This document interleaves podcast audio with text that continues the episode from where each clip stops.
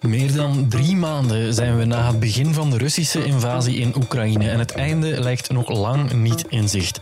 De laatste weken is er wel een evolutie merkbaar. Nu de strijd zich volledig focust op de Donbass-regio in het oosten van het land, komt het verzet van de Oekraïnse troepen steeds meer onder druk te staan. Zijn de kansen in deze oorlog gekeerd en hebben we intussen ook al iets bijgeleerd over wat Vladimir Poetin nu precies wil? Mijn naam is Dries Vermeulen. Dit is duidelijk. Duidelijk, de morgen.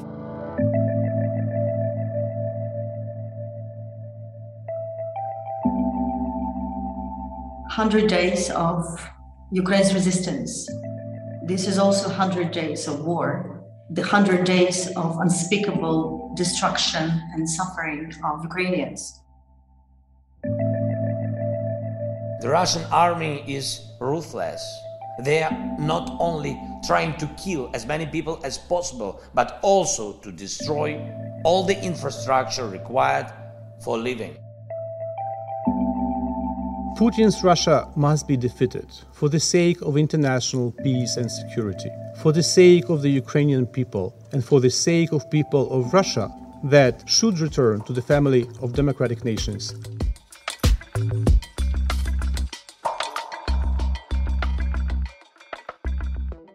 Bij ons aan tafel zit professor Ria Lane, docent Russische en internationale politiek aan de KU Leuven.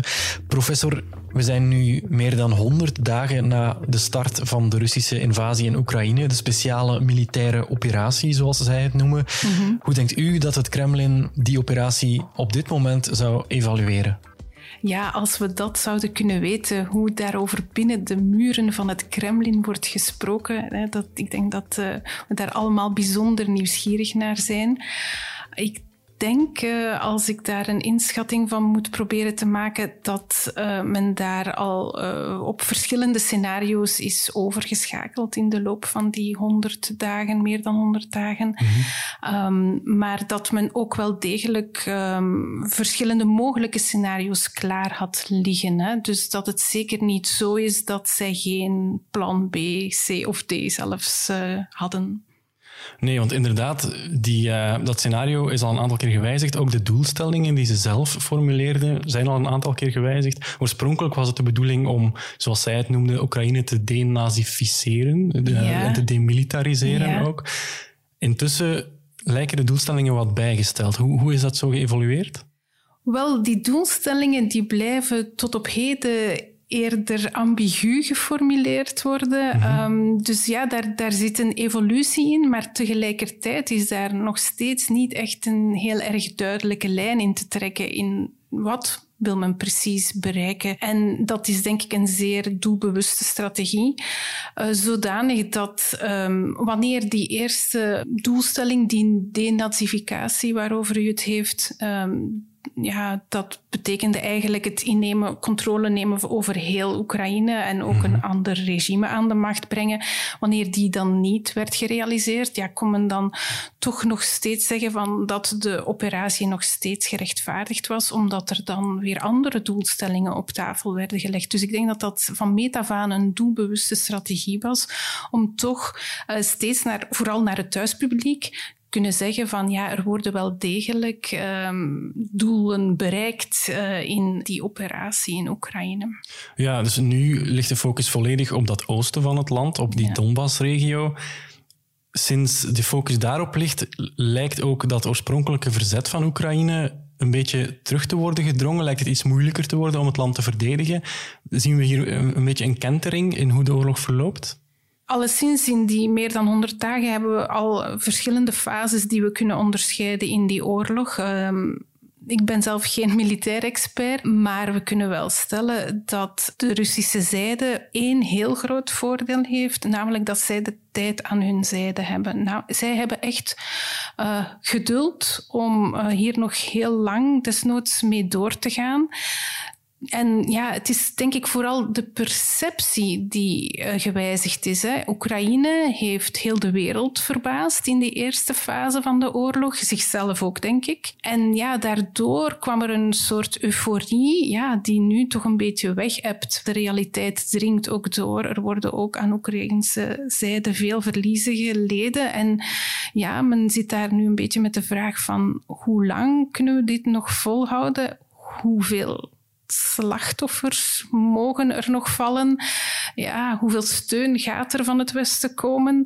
Terwijl aan de Russische zijde ja, het misschien toch eerder een omgekeerd gevoel is van heel zware verliezen geleden te hebben in die eerste fase en dan nu toch meer concrete realisaties te doen, eh, controle over steden en dorpen te verwerven en dat dan ook aan het thuispubliek al echt als overwinningen te kunnen brengen. Hebben we er ergens een idee van wat het Kremlin eigenlijk op dit moment nog wil van die oorlog? Is, is dat ook veranderd?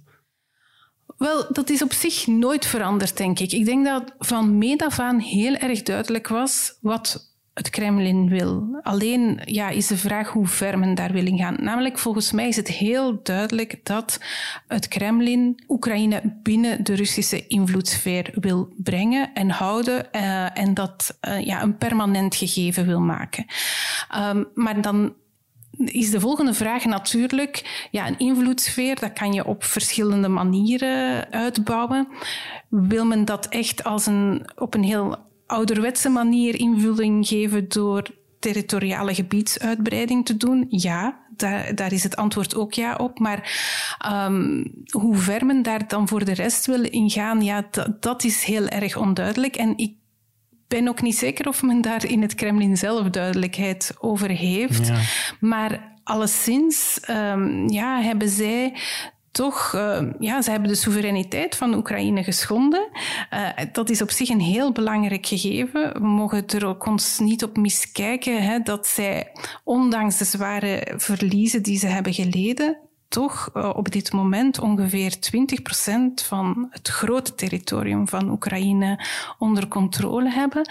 We kunnen dat ons in België misschien niet zo goed voorstellen, maar dat komt ruwweg overeen met Benelux plus Denemarken, hè, uh, mm -hmm. dat onder Russische controle is op dit moment. En dat alleen al moet, denk ik, toch een enorme opsteker voor aan de Russische zijde zijn. Hè, want ja, zij hebben eigenlijk dat nu onder controle, misschien niet op alle plekken even grondig onder controle, maar toch, ja, hoe gaat dat verder evolueren? De Krim hebben ze al zoveel jaren geleden onder hun controle gekregen.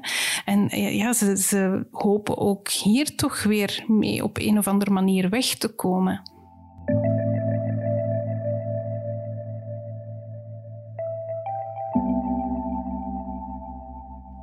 Een nieuwe fase in de oorlog dus, waarin Rusland een groot deel van die Donbass-regio onder controle heeft, maar Oekraïne zich tegelijk nog niet gewonnen geeft.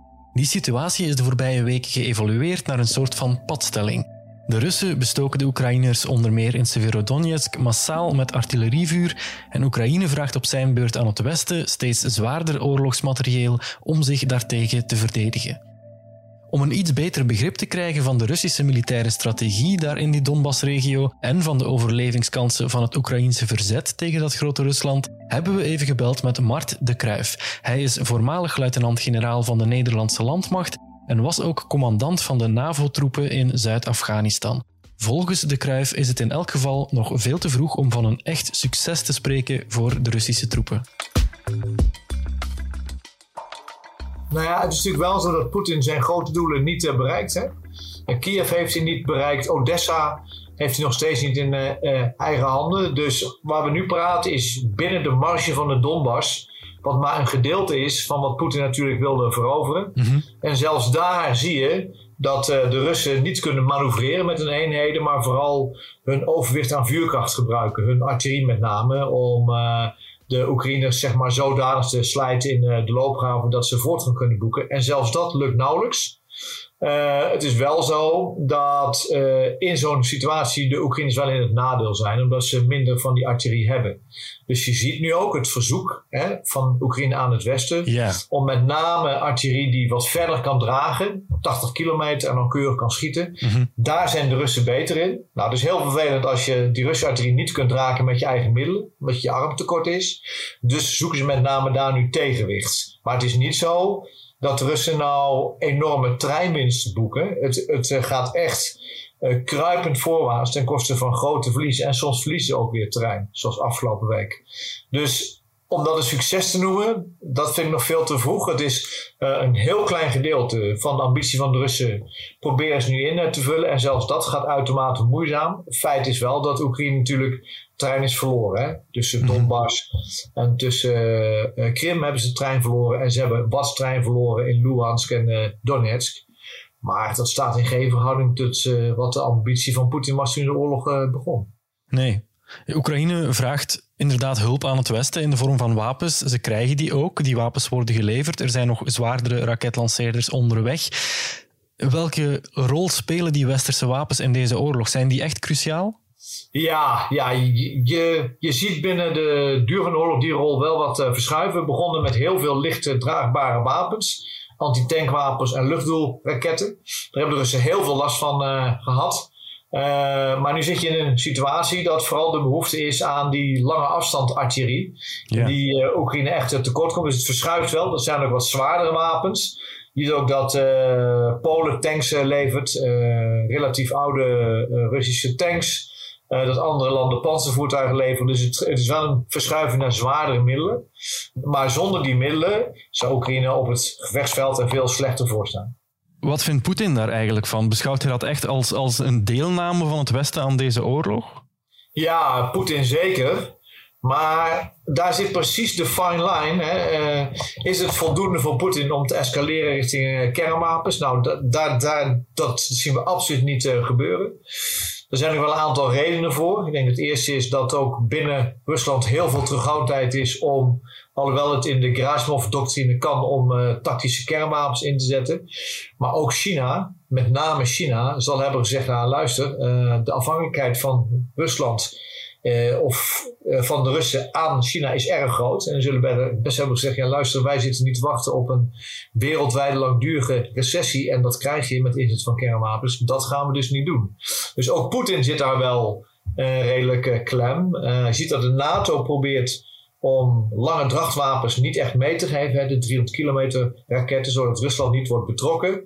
Je ziet dat in Rusland de ergernis toeneemt omtrent de middelen die NATO zendt. Maar er zit wel een soort fine line in, waarin we nog niet echt een escalatie zien aan de Russische kant. Kan die er nog komen? Denkt u dat op een bepaald moment het Kremlin zichzelf wel als in oorlog zal beschouwen met westerse landen door bijvoorbeeld die wapenleveringen? Ja, dat geloof ik niet. Uh, er zijn twee redenen voor. Uh, wat ik net zei over kernwapens, die inzet is wel een hele hoge drempel. En het tweede is, uh, Poetin heeft ook niet zoveel middelen meer. Dus hij is buitengewoon kwetsbaar. Uh, alles wat hij heeft, heeft hij ingezet in Oekraïne. Dus er is geen acute dreiging voor Finland of voor de Baltische Staten op dit moment. Want alles wat hij heeft, zelfs oudere tanks, type T-72 voor de vakmensen, gaan nu naar Oekraïne. Ja, uh, daar staat het te gebeuren. En de vraag is, hoe kom je in de situatie dat beide partijen zeggen, nu is het genoeg, we gaan onderhandelen. Ja, dat is de black box waar we nu naar kijken. -hmm. Ja, die, die shift zeg maar, in de strategie van Rusland, die focus nu op die, op die artillerie. Ik las ergens al de vergelijking met de Eerste Wereldoorlog. Echt moderne oorlogsvoering is dit niet. Hè? Wat zegt dat over hoe de oorlog verloopt? Nou, de basisprincipes van oorlog die veranderen niet. De middelen wel en technologie heeft invloed. Maar uiteindelijk gaat het om de breken van de wil van je tegenstander. Daar gaat het om. En als Oekraïne zegt, wat er ook gebeurt, wij vechten door tot de laatste man, dan kun je nog zoveel high-tech wapens hebben als je wilt.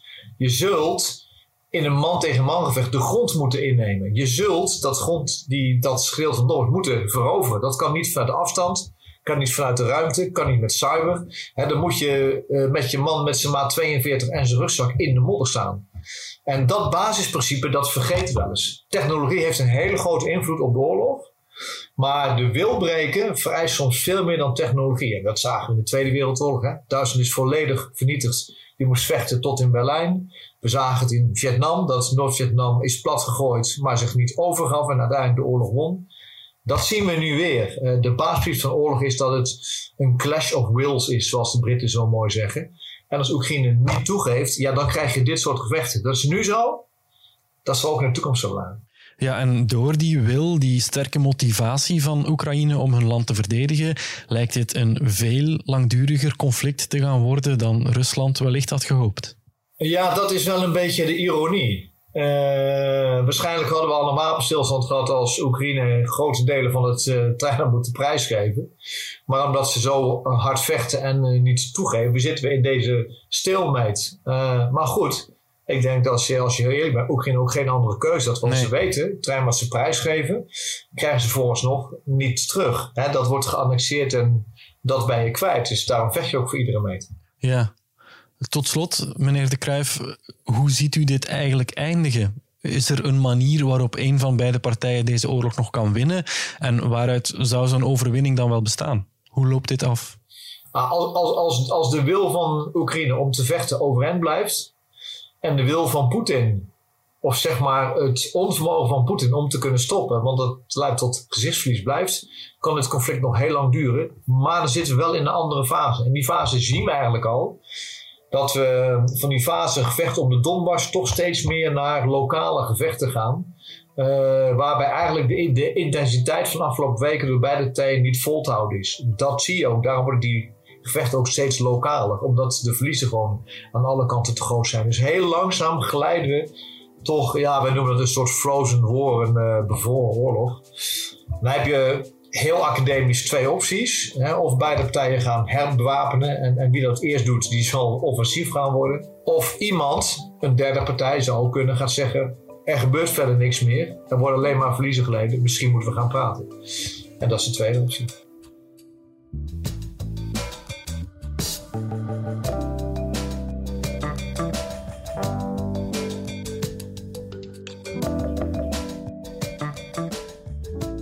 Professor Ria Lane. We hoorden Mart de Kruijf, voormalig luitenant-generaal van de Nederlandse landmacht. Hij zegt, uit zo'n bevroren oorlog zijn maar twee uitwegen mogelijk. Ofwel gaat één partij herbewapenen en de padstelling alsnog doorbreken, ofwel wordt er een diplomatieke oplossing gevonden. Ja. Dan kom ik bij u terecht als experte internationale politiek. Ziet u hier nog een diplomatieke uitweg? Op dit moment in deze fase van de oorlogsvoering eigenlijk niet. Omdat, um, ondanks het feit dat we het hebben over een kantelende uh, realiteit in de oorlogsvoering, zowel aan Oekraïnse zijde als aan Russische zijde, er toch nog een heel sterk gevoel leeft dat zij als overwinnaar uit de bus kunnen komen. Yeah. En zolang dat dat het gegeven is, lijkt het mij heel erg moeilijk om beide partijen samen aan tafel te krijgen en dan ook nog oprechte onderhandelingen te laten voeren. Want we hebben al wel zogenaamde onderhandelingspogingen gezien in de eerste fase van de oorlog, maar eigenlijk moesten we vaststellen dat aan Russische zijde er geen enkel oprechte intentie was om daar echte onderhandelingen van te maken. Hè. Um, en we mogen natuurlijk ook niet vergeten dat er, ja, ik heb het al over die oorlogsmisdaden gehad. Er zijn toch wel uh, een aantal rode lijnen overschreden, waardoor het voor de Oekraïnse zijde echt ja, op zijn minst een grote uitdaging is om met de Russische zijde aan tafel te gaan zitten en hen als een betrouwbare onderhandelingspartner te beschouwen. Hè. Dus ja. um, dat maakt al die gegevens samen maken het eigenlijk op dit moment zo goed als uitgesloten dat er echt rechtstreekse diplomatieke onderhandelingen zijn. Maar ja, hoe dan ook, denk ik dat op een gegeven moment, alleen weet ik niet wanneer dat moment in de toekomst uh, er zal zijn, wanneer de tijd daar rijp voor zal zijn, vind ik heel moeilijk om daar uh, iets over te zeggen. Maar, maar hoe dan ook, zal er op een gegeven moment moeten gepraat worden. Hè. Um, ze kunnen bijvoorbeeld elkaars geografische locatie niet wijzigen. Hè. Ze mm -hmm. blijven buren van elkaar. Dat, dat dat is een geopolitieke realiteit waar je niet omheen kan. Dus hoe dan ook, wat de toekomst ook wordt, uh, zal daar ergens op een gegeven moment uh, diplomatiek overleg moeten plaatsvinden. Misschien met uh, een derde partij erbij betrokken? Zeker, ja. Er moet een derde partij die die rol van bemiddelaar op zich nemen. Daar zou bijvoorbeeld weer opnieuw in de richting van Turkije bijvoorbeeld kunnen gekeken worden. Misschien ook China mm zou, wordt genoemd als een mogelijke bemiddelaar. Ik denk dat we eerder eh, dus ja, buiten, laat ons zeggen, het traditioneel westerse kamp moeten gaan kijken voor wie die rol van bemiddelaar op zich zou kunnen nemen. Ja, wat vindt u eigenlijk van de houding van het Westen in dit conflict tot nu toe? Er zijn de economische sancties enerzijds, anderzijds ook de wapenleveringen. Vindt u die combinatie een, een goede strategie? Ik vind het vooral verrassend. Ja. Um, ver, ja, als we gewoon teruggaan in de tijd en we, we, gaan naar 24 februari, de dag waarop de oorlog is uitgebroken, ik denk dat echt niemand had zien komen dat het beste zo ver zou gaan in um, het verlenen van steun aan Oekraïne. Ik weet nog dat we ja, echt met z'n allen zeiden van ja, het dreigt er echt op uit te draaien dat Oekraïne volledig aan het lot gaat overgelaten worden. Dit valt buiten de grenzen van de NAVO. We gaan Rusland niet willen provoceren. Dus uh, ja, uh, Oekraïne dreigt een vogel voor de kat te worden. En ja, daar, daar is toch heel anders uitgedraaid. En ik denk dat dat ook voor het Kremlin een van de grootste verrassingen is geweest in deze oorlog. Hè. Um, dat hebben ze echt niet zien komen. Um, als je nu denkt dat, dat er uh, oh, heel concrete zaken als NAVO-uitbreiding uh, voor, voor Finland en Zweden plots wel uh, bespreekbaar werden, ah, ja, dat, dat is iets wat Moskou echt niet heeft ingeschat op die manier. Dus het Westen heeft mij in Oh, in die zin heel positief verrast dat ze zoveel eensgezindheid hebben getoond. Uh, de grote vraag is hoe lang die eensgezindheid zal blijven duren. Want dat bijvoorbeeld dat zesde sanctiepakket, dat is uh, toch al een veel minder evidente zaak geworden dan de voorgaande sanctiepakketten. En ja, daar lijkt ook het plafond bereikt te zijn. Um, opnieuw, ik, blijf het herhalen. Rusland heeft de tijd uh, aan de zijde. Hè. Uh, zij hoeven ook met helemaal geen enkele vorm van democratische besluitvorming rekening te houden. Uh, kunnen nog ontzettend veel manschappen mobiliseren indien nodig. Um, kunnen ondanks grote verliezen in zaken materieel toch nog steeds blijven bevoorraden, kunnen ook vooral, en dat denk ik iets dat heel actief al aan het gebeuren is, uh, inzetten op uh, verdeeldheid zaaien in het Westen. Ja, ja. ja.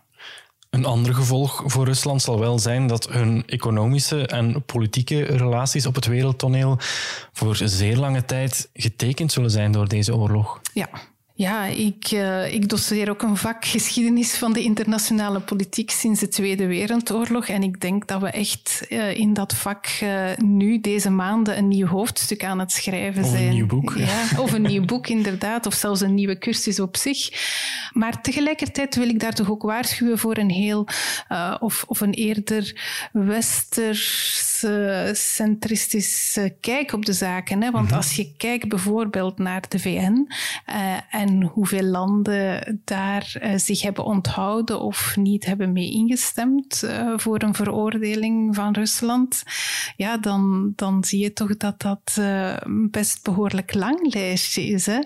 En dat zie je ook in het discours van Rusland, van ja, wij worden wel heel sterk geviseerd door het Westen, maar de wereld is groter dan het Westen alleen. Ja. en dan treedt een speler als China natuurlijk heel erg op de voorgrond voorgrond, maar uh, bijvoorbeeld India, ook een grote speler, um, zou misschien wel eens een van de internationale actoren kunnen zijn die, die veel profijt gaat halen uit dit conflict. Daar denken we misschien te snel vanuit het Westen dat, dat wij de bepalende actor zijn terwijl dat misschien toch een, een iets wat naïeve blik op de huidige wereld is. Ja, hoe dan ook komen er nog boeiende tijden aan in uw vakgebied. Absoluut. Oké, professor Ria Lane, dank je wel voor dit gesprek. Graag gedaan.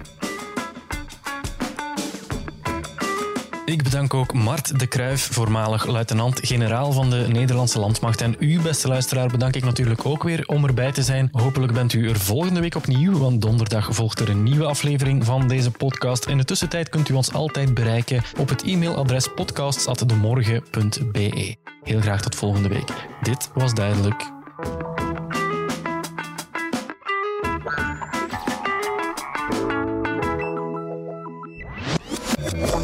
Duidelijk, de morgen.